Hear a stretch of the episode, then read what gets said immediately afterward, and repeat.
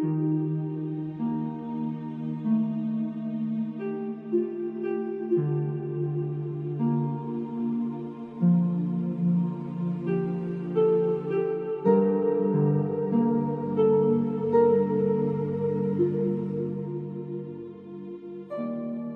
сонсогч таны энэ өдрийн амраа моглон айлтгая. Библийн хуудасаар радио цаурал хичээлийн маань нэгэн шинэхэн дугаар эхэлж байна. Тэгэхээр өнгөрсөн дугаарт бид Бурхны хайр инрэл мөнх учраас түүгээр аврагдсан хүн түүнийг мөнхийн мөнхөд магтан алдаршуулан амьдрах учиртай. Хүний магтаал хий хоосон зан үйл төдий биш. Харин чин зүрх сэтгэлийн магтаал байх ёстой. Харин Бурхан биднийг магтан дуулахдаа уйтхар гонигтай баяр баясгалгүй нүүр царайтаагаар харахыг хүсдэггүй гэдгийг жаргал агш маань хэлж байсан. Хүний дотоод зүрх сэтгэлд юу болж байдгийг мэдэх арга үнэндээ бидэнд байхгүй. Зөвхөн бурханд л энэ нь бий. Заримдаа бид бурхныг баяр хөөртэйгээр магтаж чаддаггүй. Ийм үе хүн болгонд л байдаг. Яагаад гэвэл бид амьдралын олон асуудал дундаа туучдаг. Тэгвэл энэ бүхнийг давн туулах хүчийг хинээс олж авах вэ? Олон хүн асуудалдаа түүртэж муу ёрийн сүнсний уруу татлахад бүдэрч гим нүгэлтэд орооцолдох замыг сонгочихсон байдаг. Ийм нөхцөл байдал руу халтран орсон итгэгч хүн өөрийн эзэн бурхнаа хизээж баяртайгаар магтаж чадахгүй нь ойлгомжтой шүү дээ. Хичнээн өөрийгөө зөвтгөж бодсон ч гунигтэй зүрхнээс гарсан үг магтаал биш байх болно.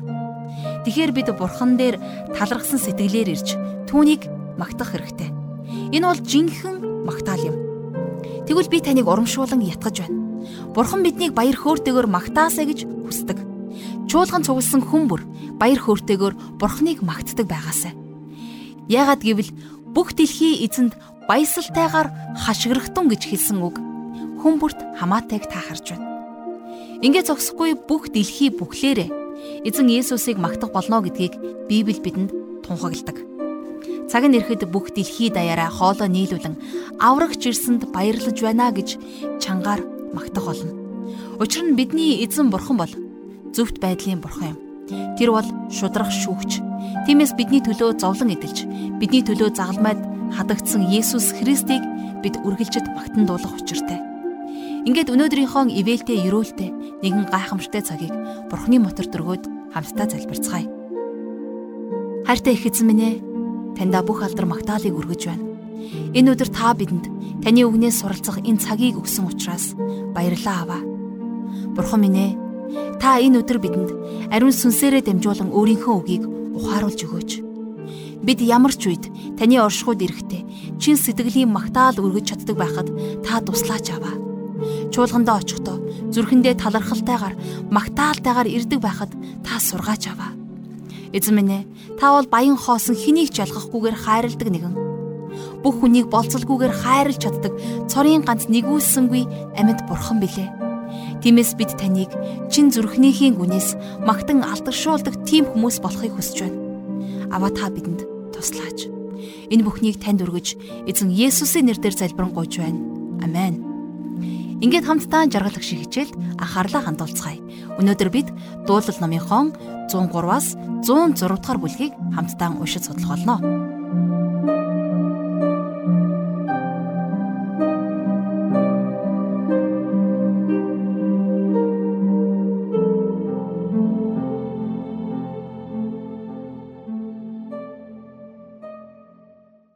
За өнөөдөр бид хамтдаа дуулал номын 103 дугаар бүлгээс 106 дугаар бүлгийг дуустал нь үзэх болно. Бидний хамгийн ихэнд үзэх дуулал 103 дугаар бүлэг бол үнэхээр гайхамшигтай талархлын дуулал. За 16 дугаар зууны үеийн Шведийн агуу хаан тухайн үедээ Шведийг Европын хэмжээний хүчрхэг улс болгон мандуулсан Домогт Густавус Адольфус хаан Лейпцигт агуу ялалтыг байгуулад Аугсбург хотод орж ирэх үедээ энэхүү 103 дугаар дуулалыг чангаар уншсан гэдэг. Тэгэхээр энэхүү дууллаас итгэгчид бид нэр гайхамшигтай тайвшрал хүч чадлыг олж авдаг. 103 дугаар дуулал бол Есүс Христийг магтсан үйлсийнхэн төлөө түүнд талархсан бүлэг юм. За энэхүү дуулалын эхний хэсгийг гоцлол дуучин дуулаад төгсгөлийн хэсгийг найрал дуучидтай хамтдаа дуулж дуусгадаг байсан гэж үздэг юм. За би хувьдаа бол энэхүү дуулалыг гурван дид бүлэгт хувааж ойлгодог.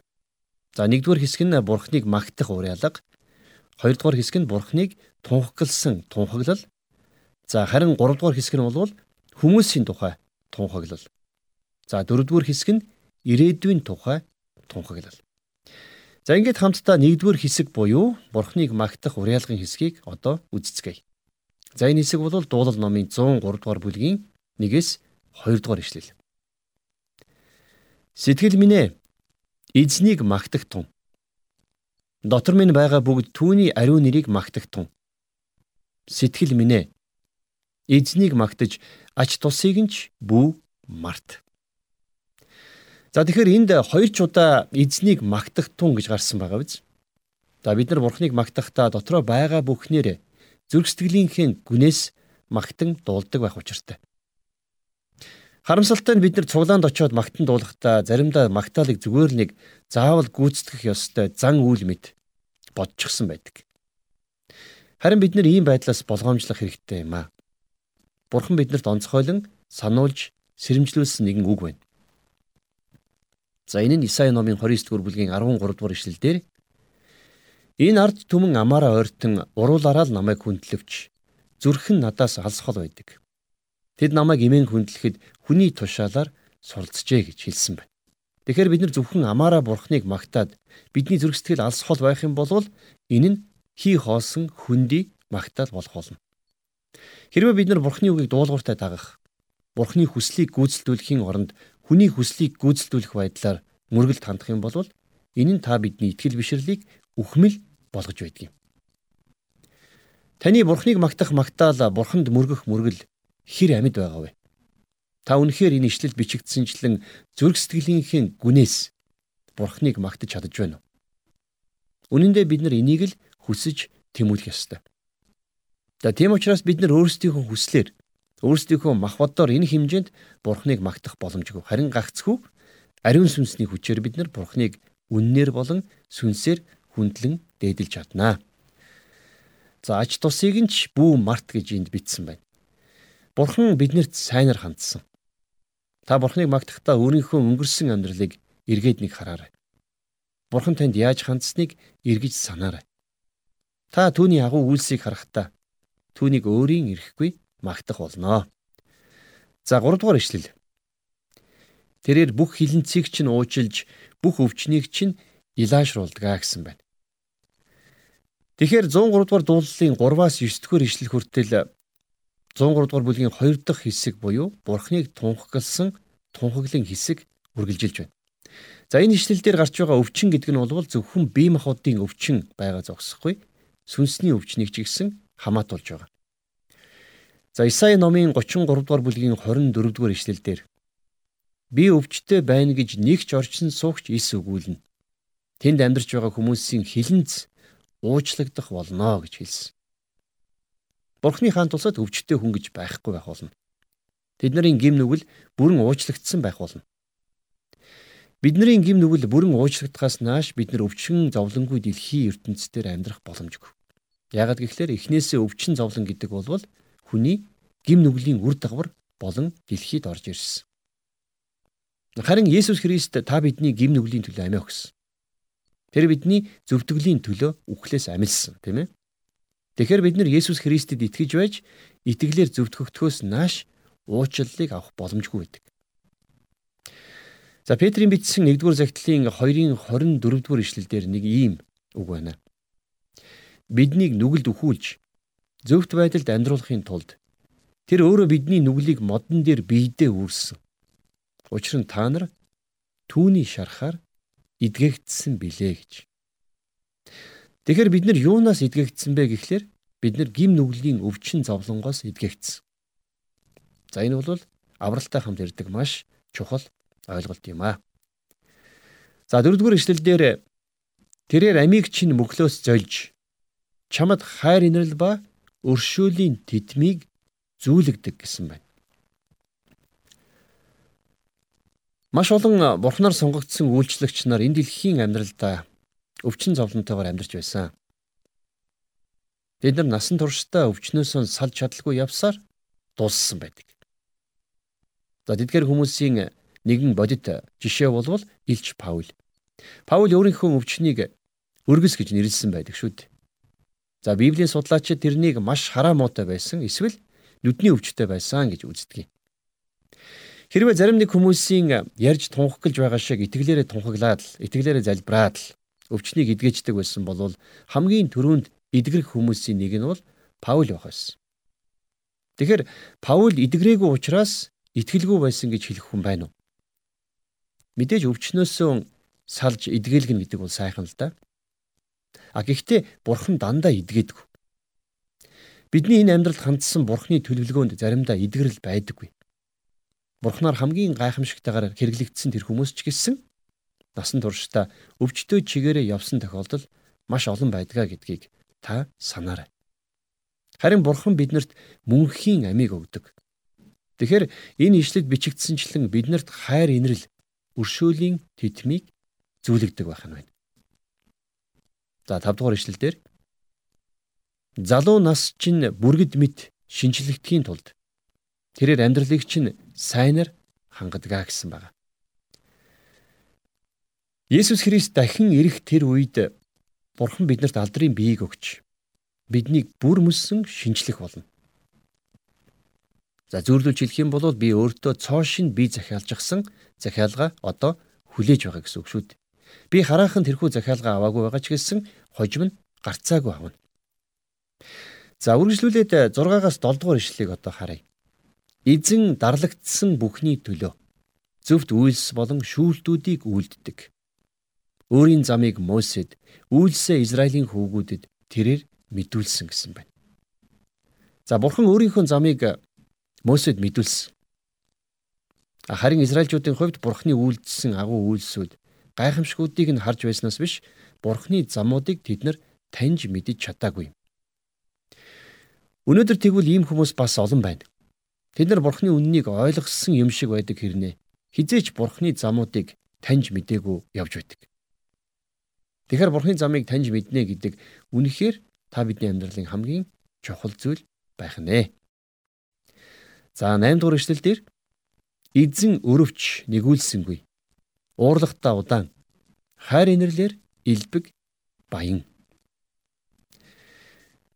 Биднэрт өнөөдөр юу юунаас илүүтэйгээр хамгийн хэрэгтэй зүйл бол Бурхны нэгүүлсэл. Харин аз болоход бидний Бурхан хайр инрэл өршөөл нэгүүлслэр илбэг баян Бурхан юм аа. За үргэлжлүүлээд 9-10 дугаар ишлэлдэр ингэж бичсэн байна. Үргэлжид тэмцэлтэхгүй. Уураач тэрээр мөнхөд хадгалахгүй. Хилэнцэд минь тааруулан хандаагүй билээ. Тэрээр бидэнд гин буруугаар манч хариулаагүй билээ бидэнд гэсэн байна. За энэ ишлэлээс 16 дугаар ишлэлийг хүртэл 103 дугаар бүлгийн 3 дугаар хэсэг буюу за хүмүүсийн тухай тунхаглалын хэсэг үргэлжилдэг юм.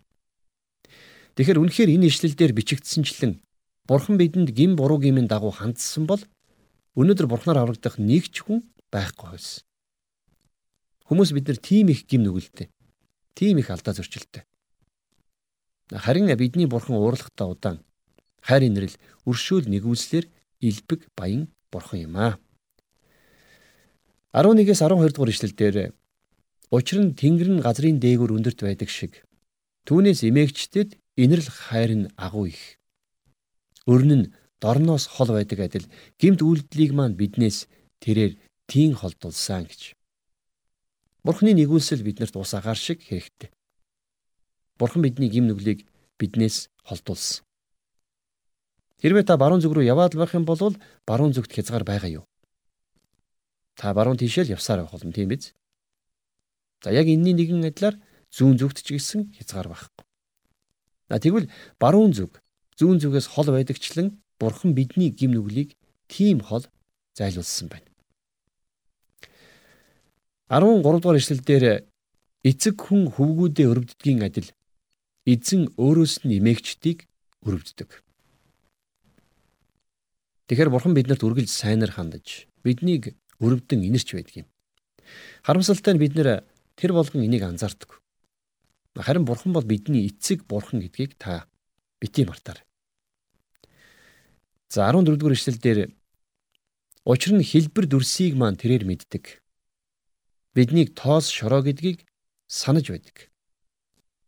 За их сонирхолтой. Юу вэ гэхлээр бид нар болвол тоос шороо гэдгийг бурхан мэднэ тийм ээ. За заримдаа харин бид нар өөрсдөө энийг мартчихсан явж байдаг.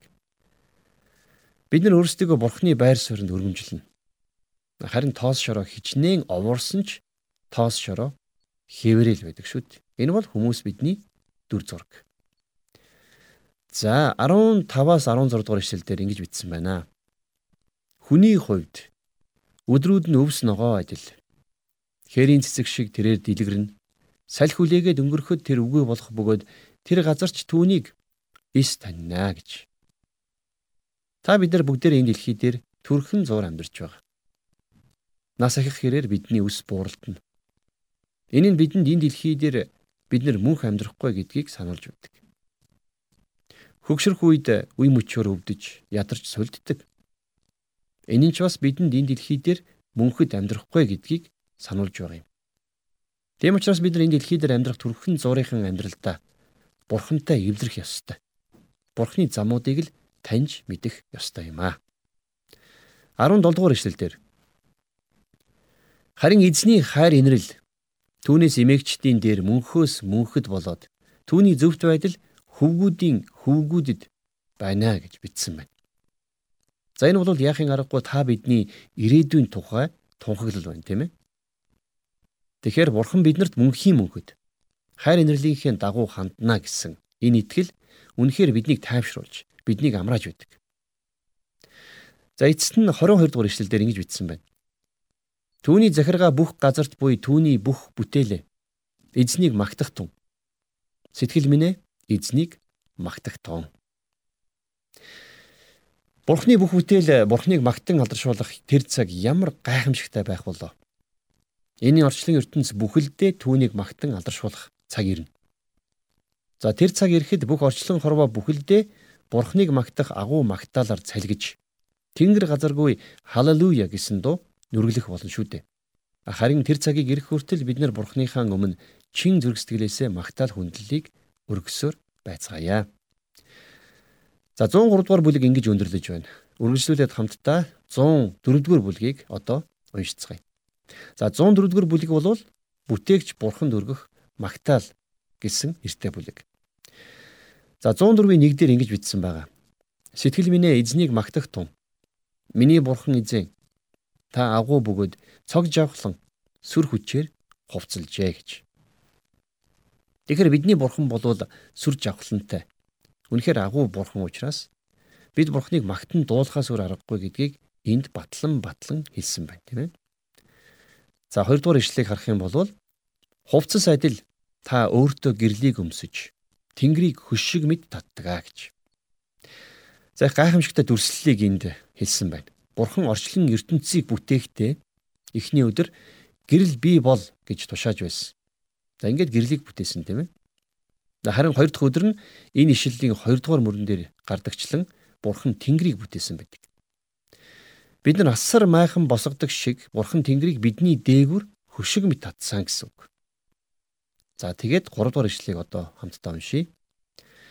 Тасалгааныхаа тулгуурыг уснаас дээгүр тавьж, үйлсийг тэргээ болгон хөлөглөөд салхин жигүүрээр та явдгаа.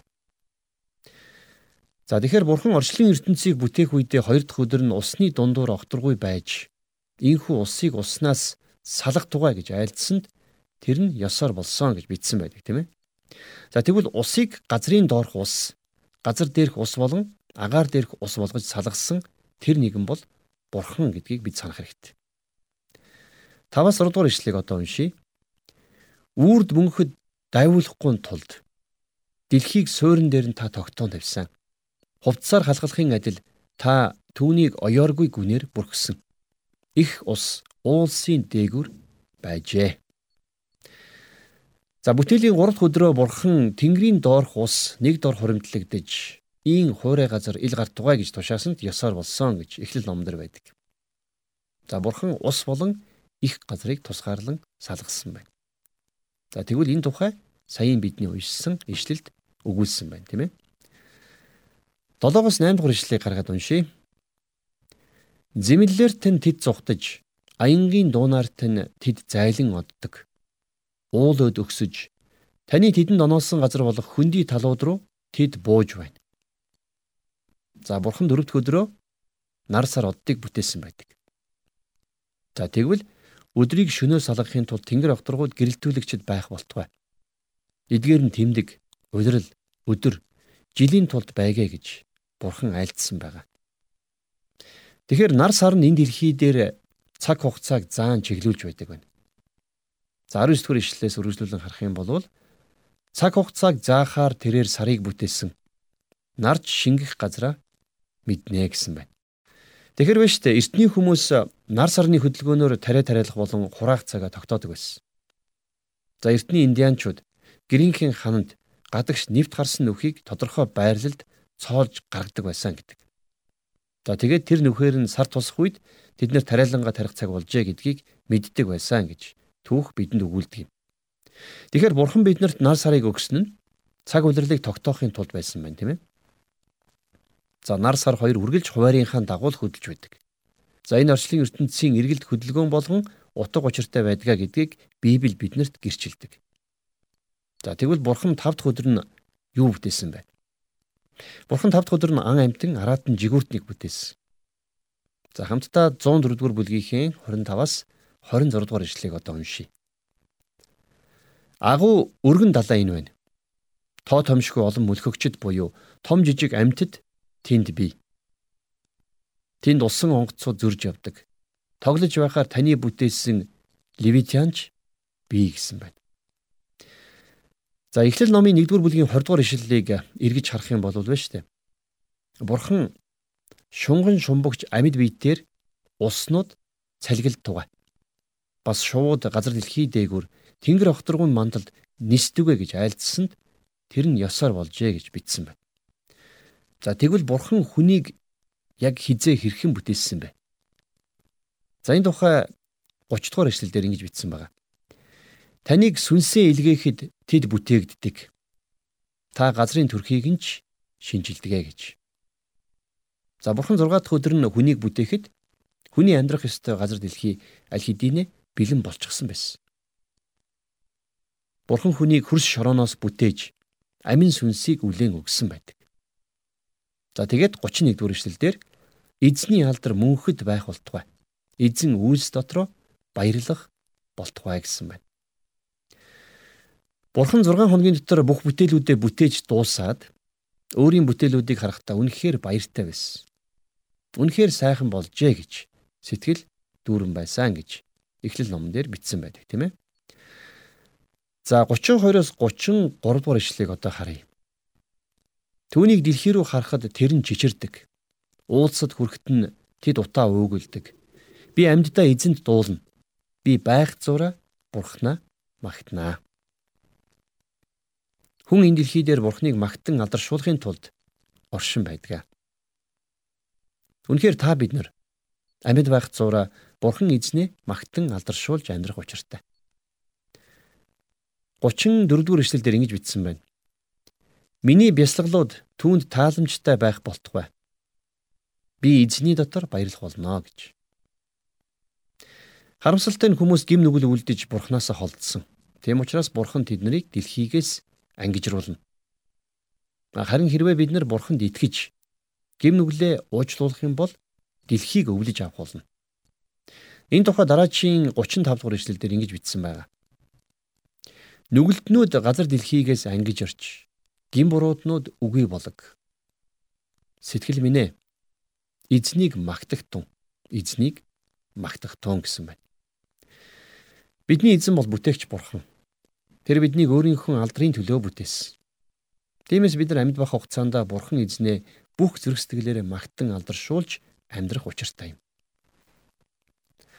За хамтдаа энэ хичээлийнхэн төгсгөлд дуулал номынхон 105 106 дугаар бүлгийг багцлан товчхон үзье. За 105 дугаар бүлэг бол түүхэн дуулал. За энэхүү дуулал дээр Авраамаас Мосе хүртэлх түүхийг өгүүлсэн байдаг. Энэ дуулалыг Давид бичсэн байхаа гэдэгт би нэлээд итгэлтэй байдаг. Яагаад гэвэл энэ дуулалын эхний хэсэг нь 1-р шаштар номын 16 дугаар бүлгийн 8-аас 22 дугаар ишлэлдэр гэрэний авдрыг Иерусалимд авчрах үед Давидын дуулсан дуутай их адилхан байдаг. Энэ дуулал бол Израилийн ард түмний түүхийг өгүүлсэн онцгой дуулал. За тэгэхээр одоо хамтдаа 105 дугаар дуулалын 1-ээс 5 дугаар ишлэгийг уншийе. Аяа эзэнд талархлыг өргөн алдар нэрийг нь дуудан ард түмний дунд үйлсийг нь мэдүүлэгтэн. Түүнд дуулж, түүнд магтуу дууг дуулгатун. Түүний бүх гайхамшгуудыг ярихтун. Түүний ариун нэрд алдар байг. Эзний гэрэлхийлэгчийн зүрх баясах болтугай. Эзнийг хийгээд түүний хүч чадлыг эрэлхийлэгтэн. Түүний нүүр царайг үргэлж хайхтун. Эзний үйлдэлсэн гайхамшигт үйлсийг түүний тэмдгүүд болон түүний амнаас гарах шүүлтүүдийг санахтун. За та санаж байна уу? Бурхан Авраам, Исаак, за бас Яаковтай гэрээ байгуулсан байдаг тийм ээ. За бурхан бол тэр гэрээндээ үнэнч байж гэрээгээ итгэмжтэйгээр сахиж ирсэн. За тэгээд цаашлах юм бол бурхан Египтэд Йосефтэй ч хамт байсан шүү дээ. За 23 дугаар ишлэлээс хамтдаа үргэлжлүүлэн уншийе. Израильч бас Египтэд ирж Яаков Хамын нутагт төр суусан гэсэн байна. За энэ ишлэл дээрээс Яаков болон тэрний үр удам Египтэд ирж анх суурьшсан тэрхүү үйл явдлыг бид харж болохоор байна тийм ээ. За харин хожим нь яасан бэлээ? Египтчүүд тэднийг дургуйцэж дарлах болсон шүү дээ. За 26-аас 27 дугаар ишлэгийг одоо уншийе. Тэрээр зарц Мосего өөрийн сонгосон Аароныг илгээсэн. Хүмүүсийн дунд түүний тэмдэг болох үйлсийг хаамын нутагт гайхамшгуудыг үйлдсэн гэсэн байна. Тэгэхээр бурхан Израильчуудыг Мосегоор дамжуулж чөлөөлөн 10 гамшигаар Египтийг цогссон түүхийг бид нар мэднэ тийм ээ. Тэгэхээр дараах ишлэлдэр нэг сонирхолтой зүйлийг өгүүлсэн байна. Хамтдаа 105 дугаар дуулалынхаа 38 дугаар ишлэгийг одоо харъя. Тэднийг гарч явхад Египт баярлсан. Учир нь тэднээс айх айдаст тэд автсан гэсэн байна. За тэгэхээр юу болсон байв нүг гэхээр Израильчуудыг гарч явхад үнэндээ бол Египтчүүд баярлсан байдаг. Тэр бүх гамшигын эцэст тэд нар бүр Израильчуудаас салахын төс болсон байсан. За дараа нь харин бурхан Израильчуудыг амлсан газартаа аваачсан. За тэгэхээр энэ дуулалаар дамжуулан Давид Израильчуудын түүхийг тэднэрт дахин сануулсан байна. Түүхийн туршид бурхан тэднэрт хэрхэн итгэмжтэйгээр хандаж байсныг тэд нар өөрийнхөө ард түмэнд сануулсан. За бид нар ч гэсэн бас өөрсдийнхөө өнгөрсөн амьдралыг харахтаа бурхан талархах шалтгаан хангалттай олон байгааг олж мэднэ. Хэрвээ та Есүс Христэд итгэж авралыг авсан л бол танд бурханд талархах түмэн шалтгаан байгаа шүү. За одоо 106 дугаар бүлгийг хамтдаа нээцгээе. Тэгэхээр 106 дугаар бүлэг бол мөн л түүхэн дуулал байгаа юм. За нилээд урт энэ дуулалаар дуулал номондох за тооллого номын хэсэг өндөрлөдөг. Хамтдаа одоо 106 дугаар дуулалын 1-р ишлэлийг харъя. Эзнийг магтах тун эзэнд талархал өргөхтөн. Тэрээр сайн сайхан бөгөөд түүний хайр инрэл үрдийнх. За энэхүү дуулал бол бурхныг магтах магтаал, бурхан талархах талархлаар эхэлсэн дуулал байна, тийм ээ. За энэс цааш дуулалын 106 дугаар бүлэг дээр Израильчуудын түүхийг өгүүлсэн байдаг. За жишээлх юм бол 6 дугаар ишлэгийг одоо харъя. Бид ч эцэг өвгөд манч нүгэл хийжээ.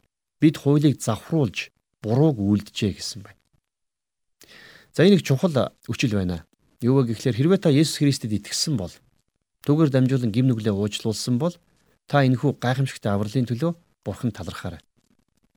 Та өөрийнхөө амьдралыг эргэн харахтаа Бурханы агуу гайхамшигтай үйлс, түүний итгэмжит байдлыг харах болно. За энэ гайхамшигтай дуулал биднэрт Израильчуудын алдаа зөрчил, Бурханы итгэмжит байдлыг харуулж байдаг. За бид нар ч гэсэн бас өөрсдийн амьдралдаа Бурханы итгэмжит байдлыг үргэлж санаж тоолж амьдрах учиртай юм аа.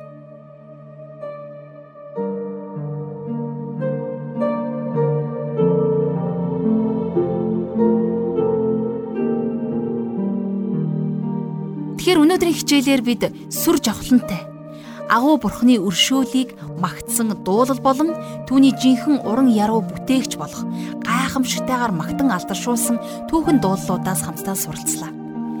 Энэ цаг өнөөгийн итгэгч бидэнд Бурхныг магтах зүрх сэтгэл, үгийн бэлхлаа эргэн бодох боломжийг олгосон гэдэгт итгэлтэй байна. Тийм ээ бид Бурхныг магтахдаа зүрхнийхээ гүнээс магтан дуулдаг байх учиртай. Хичээлийг сонсож байхдаа би өөрийнхөө чуулган болон монгол чуулгануудын талаар бодож байлаа. Нүдэнд минь итгэл нэгт ах дүүсийн маань бурхан эзнээ магтан дуулах дүр зураг харагдаж байсан. Чин үннийг хүүхдүүддээ харуулж урагшлах уу? Эсвэл ухрах уу гэсэн хоёр замыг харуулсан бурхандаа үнэхээр их талархаж байна. Тэгэхээр заримдаа бид бурханд өргөх магтаалыг байдгал нэг зүйл шиг санаж үлддэг. Тэгвэл ийм байдлаас болгоомжлох ёстойг бурхан бидэнд онцгойлон сануулж сэрэмжлүүлж байна. Хамгийн гол нь амаараа бурхныг магтах биш, харин зүрх сэтгэлээрээ түүнийг магтаж талархлыг түүнд өргөдөг байцгаая.